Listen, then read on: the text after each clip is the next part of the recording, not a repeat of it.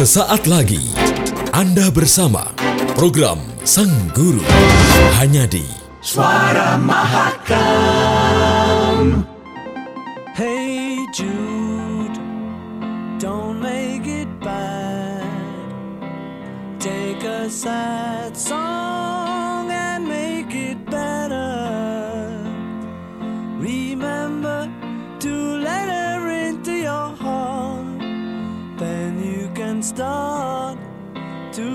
Get better. Hey, Jude, don't be afraid.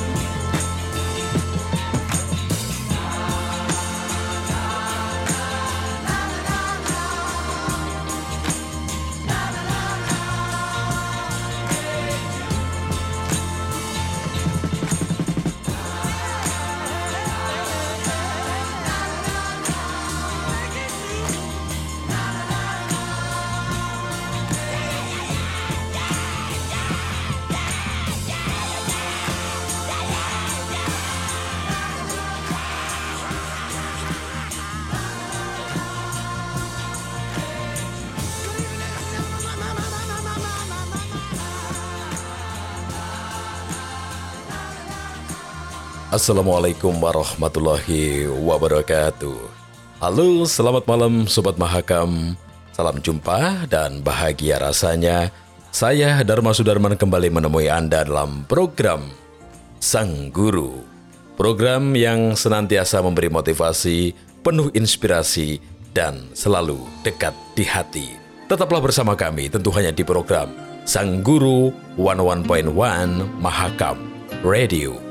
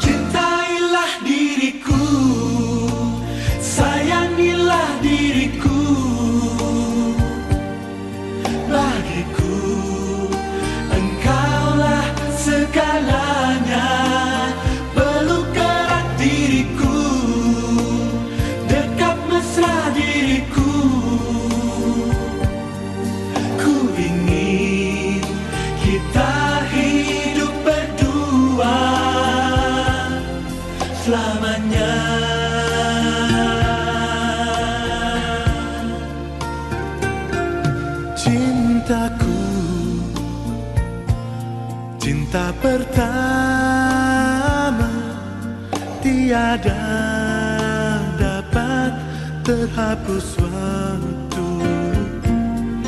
Meskipun banyak yang datang Namun hati tak goyah karena cobaan. Ku rasa hanya satu dirimu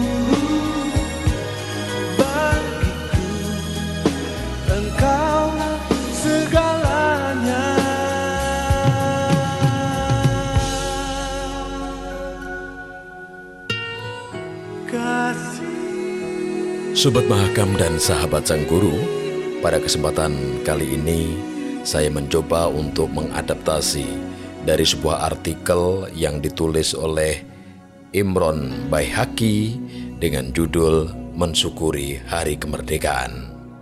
Sobat Mahakam, penggalan alinea pembukaan Undang-Undang Dasar 1945 menyebutkan atas berkat rahmat Allah yang Maha Kuasa dan dengan didorongkan oleh keinginan luhur supaya berkehidupan kebangsaan yang bebas, maka rakyat Indonesia menyatakan dengan ini kemerdekaannya.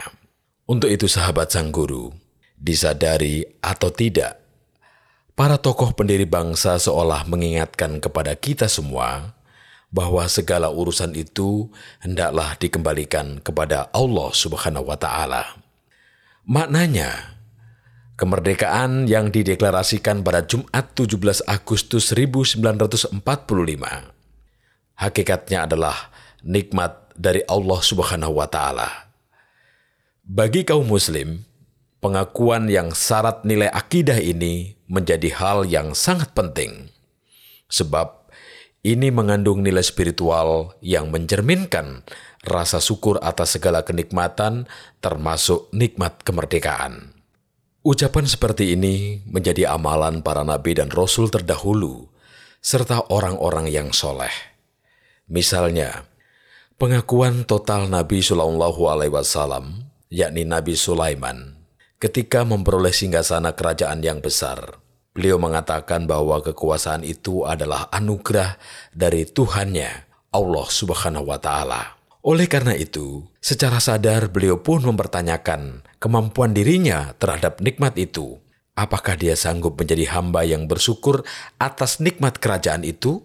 Atau justru menjadi hamba yang kufur? Kita bisa membaca di Quran Surat An-Naml ayat uh, 40. Sobat Mahakam, jika kita kaitkan dengan kemerdekaan negara Indonesia yang saat ini sudah masuk ke usia 75 tahun, maka kisah Nabi Sulaiman yang diabadikan dalam Al-Quran itu penting untuk dijadikan sebagai pengajaran dan bahan refleksi, terutama bagi para pemimpin yang memperoleh amanah kekuasaan atau kepemimpinan. Apakah kita menjadi hamba yang bersyukur atau kufur atas nikmat kemerdekaan dan jabatan kekuasaan yang diamanahkan kepada kita?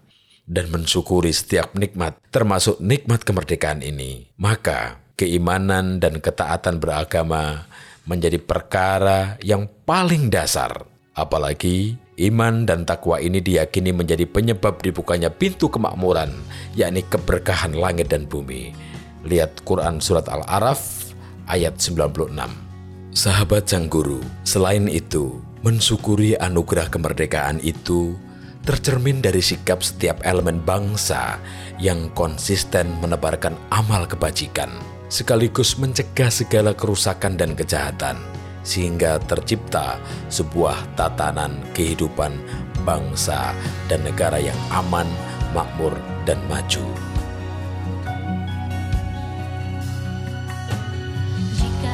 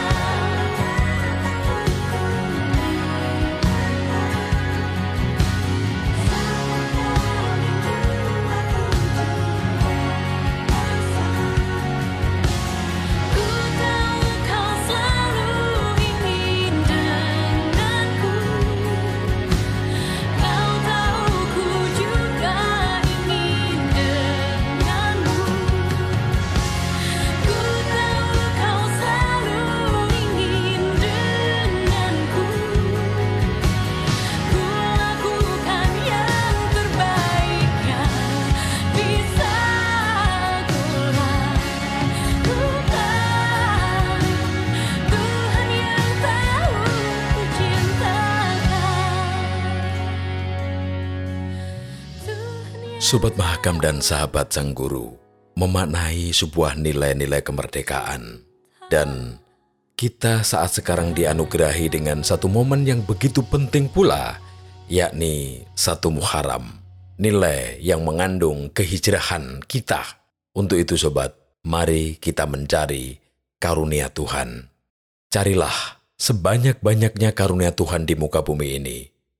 Anda sebenarnya memang berhak mendapatkan fair share, bagian yang adil dari semua itu. Tapi, kata orang bijak, jangan bawa milik Anda ke hati, biarlah semuanya itu berhenti di tangan Anda.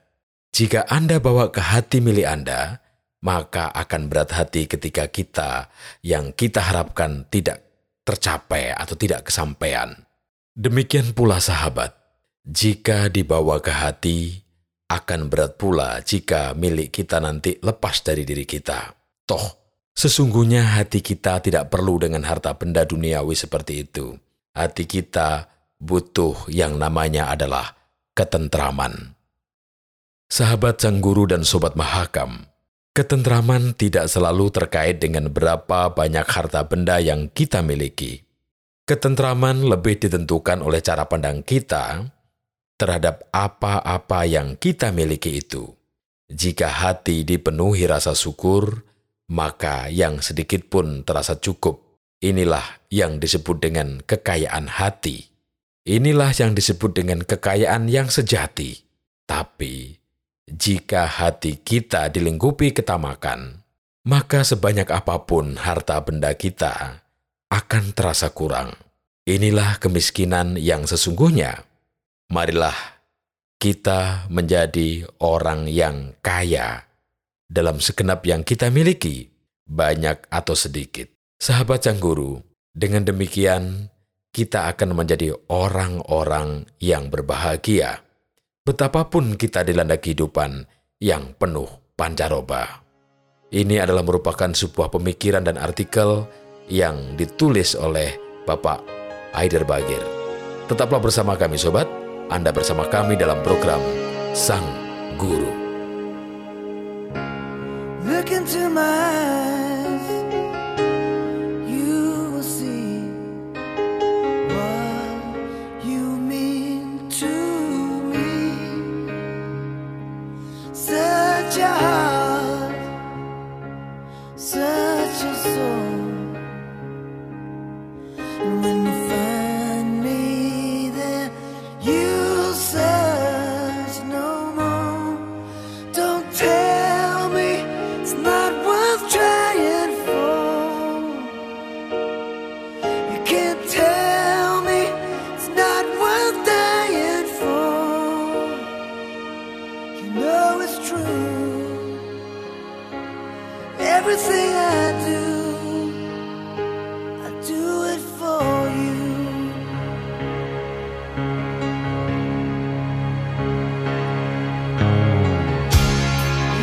Look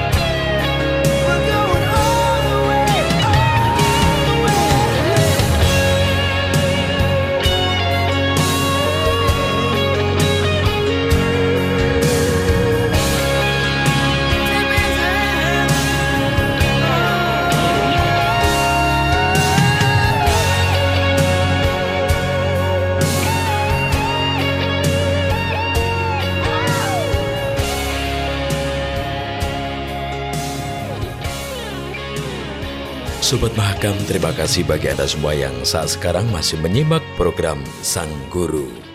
Telah kita nikmati sebuah persembahan dari Brian Adam. Everything I do, I do it for you. Sobat, manusia modern boleh jadi lebih pintar dan lebih maju dari umat manusia di zaman-zaman sebelumnya. Tapi, jangan-jangan mereka justru lebih jahil dalam hal memberi makna kepada hidupnya. Mungkin sebabnya adalah karena di zaman ini terlalu banyak hal yang bisa menyimpangkan mereka dari menyadari kebutuhan sejati mereka sebagai manusia. Terlalu banyak hal yang dikira menjadi pengganti bagi kebutuhan sejati itu, padahal ada beda jauh antara kebutuhan sejati yang dapat menghasilkan ketentraman dan kebahagiaan dengan kepuasan sementara yang niscaya goyah. Sahabat Sang Guru, selama manusia gagal untuk menyadari kebutuhan sejati mereka, selama manusia masih kebingungan dalam membedakan sumber ketentraman abadi dari sekedar kepuasan sementara, sementara itu pula hidupnya akan terus menjadi perlombaan-perlombaan menumpuk harta, perlombaan meraih kekuasaan sebesar-besarnya, perlombaan meraih popularitas seluas-luasnya yang tidak akan pernah membawa mereka ke garis tujuan. Sobat, yang terjadi justru mereka siap mengorbankan segala-galanya demi tujuan yang sebenarnya fata morgana itu. Jadi, alih-alih menemukan apa yang mereka cari, mereka malah makin bangkrut. Semua telah dikorbankan, tapi yang dicari tak ketemu juga. Nah, untuk mendapatkan cinta yang sejati dari pasangan hidup, keluarga, sahabat, dan Tuhan Allah Subhanahu wa Ta'ala, sesungguhnya adalah tujuan sejati setiap manusia. Inilah sobat, upaya yang hanya bisa berhasil jika memberikan cinta. Memang untuk mendapatkan cinta inilah satu-satunya jalan orang perlu memberikan cinta. Dicinta hanya bisa diperoleh lewat mencinta. Mendapatkan cinta yang tulus, utuh, mengutuhkan seperti ini adalah satu-satunya tujuan yang layak memperoleh pengorbanan dalam diri kita. Apa saja. bahkan pun nyawa kita. Karena memang tanpa mendapatkan cinta sejati, hidup tak punya apa-apa.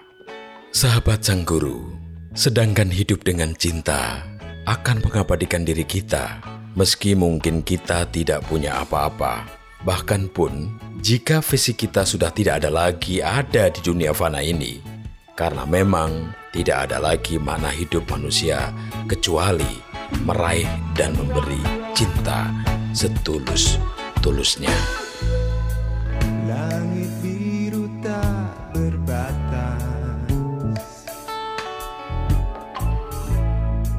Ditemani cakrawala Ombak kecil yang bercanda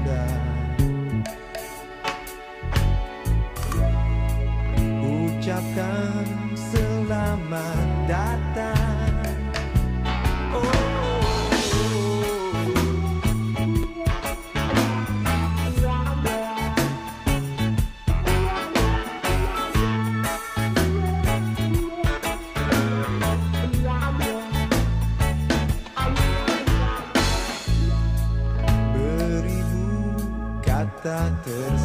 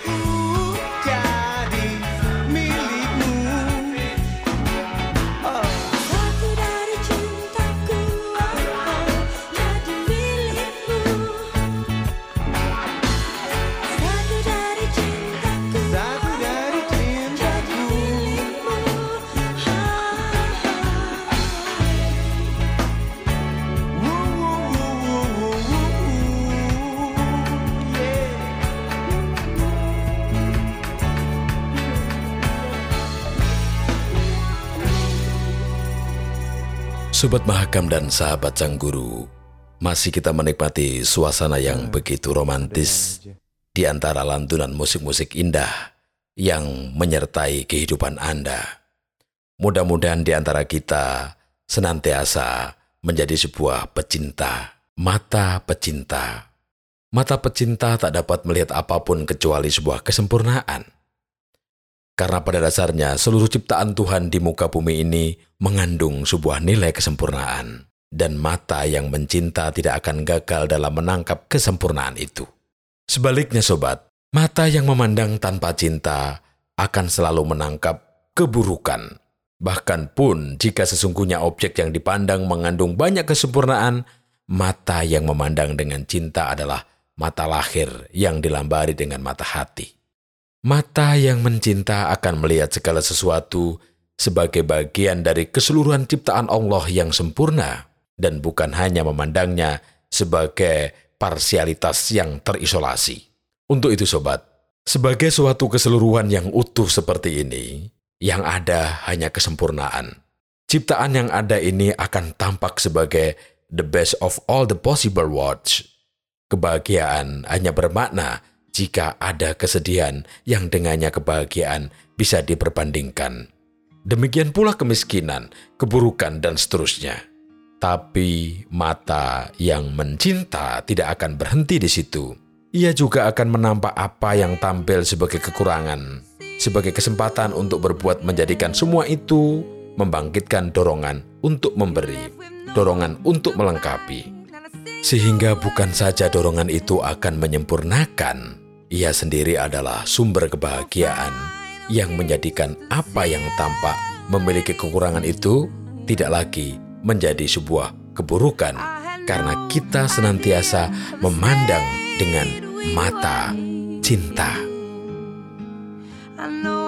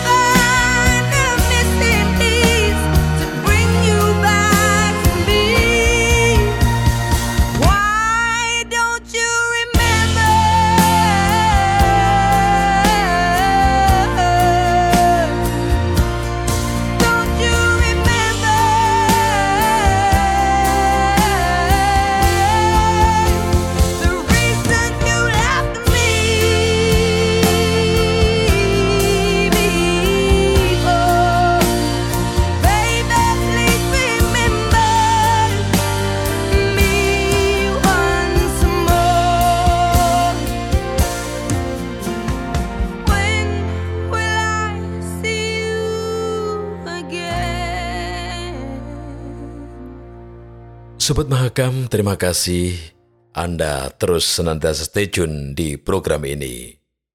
Namun nampaknya dari perjalanan waktu kita segera berakhir dan akhirnya saya, Dharma Sudarman harus amit undur diri. Insya Allah pekan depan kita akan bersama kembali dengan program yang senantiasa memotivasi, menginspirasi, dan dekat di hati Sang Guru Wassalamualaikum warahmatullahi wabarakatuh.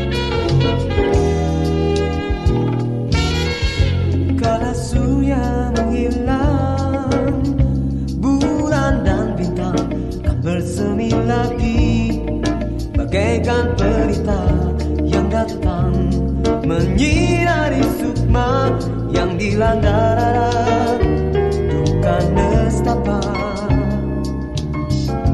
Kala burung berkicau